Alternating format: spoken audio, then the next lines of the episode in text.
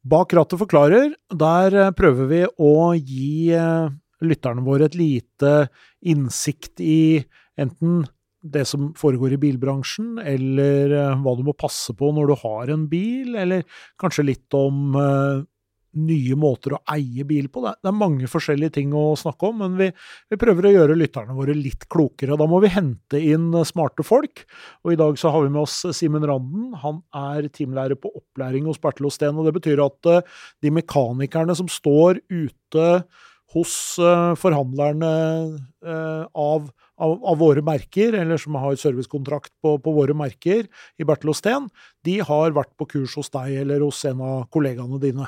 Mm, det stemmer. Hvorfor er det så viktig for mekanikere å gå på kurs? De har gått på skolen, og de har gått i læra, og de driver jo med dette her hver eneste dag, så dette her kan de jo strengt tatt. Ja da, det er Du har jo utdanning som eh, bilmekaniker, og de tar både skole og har en, en eh, læretid der du er lærling, eh, der du hovedsakelig lærer det du trenger for å bli kalt en bilmekaniker.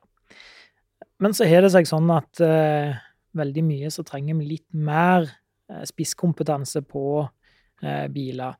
jeg driver jo med opplæring av både mekanikere og gjerne det som også kalles for teknikere, som stiller litt mer krav til spisskompetanse på bilene, da. Hva er forskjellen på en mekaniker og en tekniker? En mekaniker er i hovedsak mer de som gjør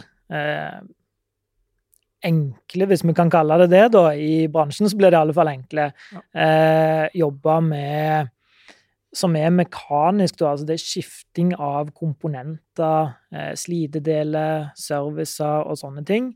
Mens en tekniker i mye større grad driver med feilsøking og stiller diagnose på biler. Kan òg gjerne skifte deler, de òg, men eh, i mye større grad så er det de som da driver med feilsøking og diagnostisering av bilene.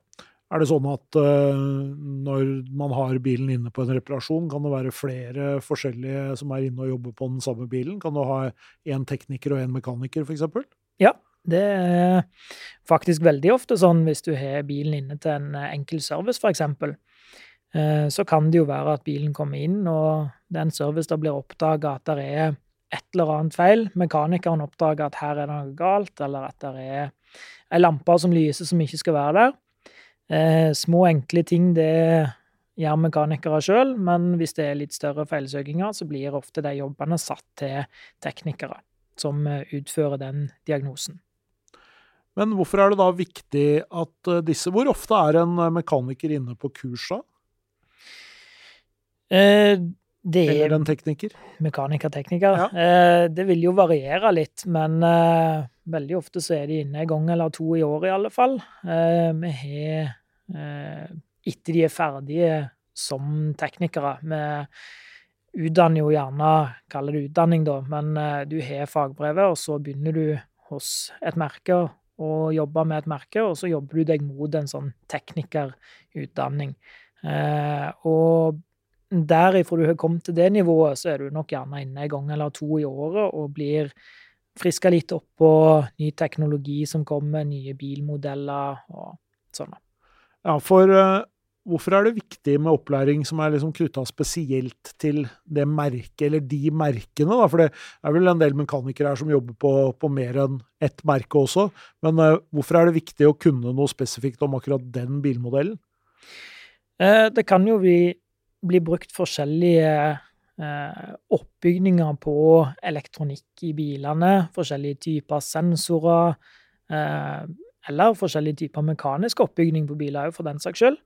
Eh, og derfor er det viktig med spisskompetanse på akkurat den bilen eller den, det merket du jobber med, sånn at du kjenner eh, elektronikken i de bilene. Det er jo elektronikk som er viktig å ha kontroll på i dag, da.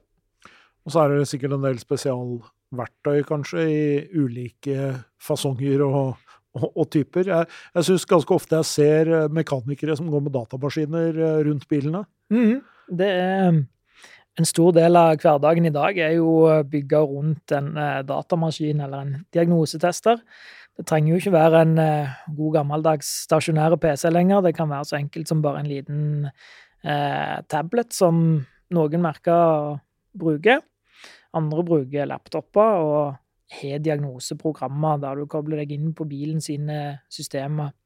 Og det er noe som ofte blir gjort bare på en enkel service. Så kan du koble på og lese ut om det er litt tilstand på bilen. Og ellers så starter jo stort sett alt av feilsøking, i alle fall hvis det har med noe som blinker noen lamper i instrumentet, så starter det med en datamaskin. Ja, for da leser man ut og, og finner ut eh, i uh, hvert fall hva bilen foreslår kan være feil. Ja, og det er veldig viktig det du sa det at det bilen foreslår kan være feil. Eh, bilen og diagnosetesterne kan jo hjelpe deg med å gi en indikasjon på hva som er feil. Men det er jo bare basert på sensorverdier som er i bilen. Som andre ord så må du jo fortsatt tenke, du må kanskje måle og sjekke ledninger og sånn, og det er jo det vi da driver og lærer opp teknikere til å forstå bilen sine systemer bedre. Er det sånn at uh, når, man har, uh, når, man har, bilen på et uh, merkeverksted, og hvor, hvor, disse mekanikerne og teknikerne har vært her på kurs, er det sånn at det er noe man gjør fordi man tenker at det er kjekt å kunne, eller er det mer fordi man må? Både òg. Eh, veldig mange setter jo pris på det å komme på kurs generelt, fordi de har stor interesse av det de driver med.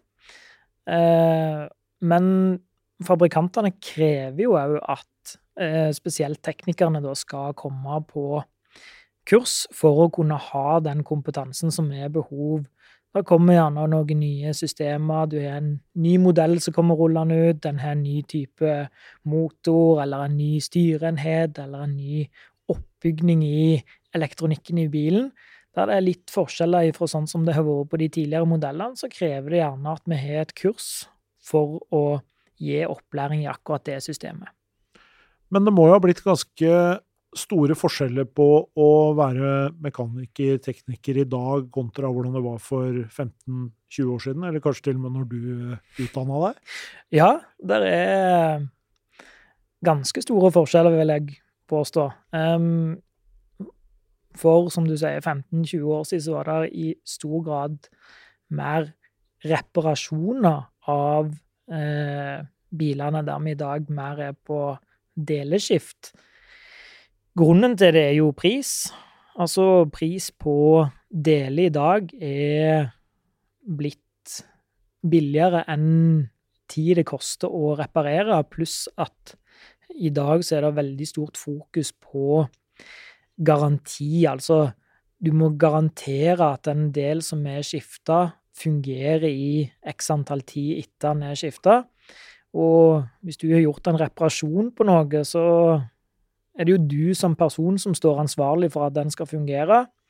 Mens hvis du har skifta en del der det er en fabrikant som har produsert den, så er det de som står ansvarlig for det. Så det, mye av det er jo bare ansvarsfraskrivelse, og hvem er det som skal ha skyld i de forskjellige komponentene som eventuelt kan feile. Men fortsatt så må det byttes noen drivaksjer og en clutch og litt det, andre ting innimellom? Ja da, det må skiftes. Det er, ting går jo fortsatt gale på bilene om du bruker nye eller gamle deler, eller om det er reparasjon eller ren deleskift, så kan det fortsatt gå galt med ting. Men du eh, treffer jo mange teknikere og mekanikere og folk som eh, er glad i bil eh, gjennom jobben, eh, mm. rett og slett. For du, du har, jo, har, jo, veldig mange inne. Og i Bertel Osten så har man jo jobba Man har jo denne opplæringsringen, mm. eh, som jo jobber med å rekruttere eh, nye inn i i yrket. Eh, vi har fokus i Bertil Osten på at vi ønsker flere jenter og kvinner inn i, i bilbransjen generelt, men også på, selvfølgelig på, på den uh, tekniske sida. Mm. Hva tenker du at er gode argumenter for å gå den veien, hvis man nå går på videregående eller skal begynne på videregående eller er ferdig med videregående og har lyst til å, å finne ut noe man har lyst til å jobbe med framover? Hvorfor skal man bli tekniker eller jobbe mekanisk med bil? Det er jo en veldig spennende hverdag. Det byr på stor variasjon, mye utfordringer. Så spesielt det med å være tekniker, da må du jo være glad i utfordringer. Um, hvis du er glad i en litt mer trygg hverdag, så ville jeg valgt en mekaniker der du er litt mer rutinert på hvilke jobber som kommer, men en tekniker så får du utfordringer, for du blir satt i tankeboks. Du må tenke deg om hva er det som kan være feil her. Og det er mye utfordringer. Og spesielt med dagens biler, da, som blir mer og mer avansert. Du får avanserte systemer, kjørehjelpssystemer, det er mer og mer elektronikk og styreenheter. Så er det jo veldig mye mer som kan gå galt. Og krever jo da at vi følger mer med. Det er, litt Ja, en spennende hverdag. Så absolutt eh, rom for, og ikke minst så trenger vi jo flere som eh, mm. kan dette. Ja. Det er kjempeviktig, så det håper vi. Jeg håper at noen av dere som eh, hører på nå, eller som kanskje har noen som skal finne ut hva de skal bli når de blir store. Noen av oss lurer jo fortsatt på, på akkurat det, men det er jo ikke for seint uansett. Men da kan det jo være strålende da, å, å følge eksempelet til mange av de som, som Simen har på kurs. Simen Randen, teamlærer på opplæring hos Bertil tusen takk for at du kom til Bak rattet forklarer. Det satte vi stor pris på. Takk for meg.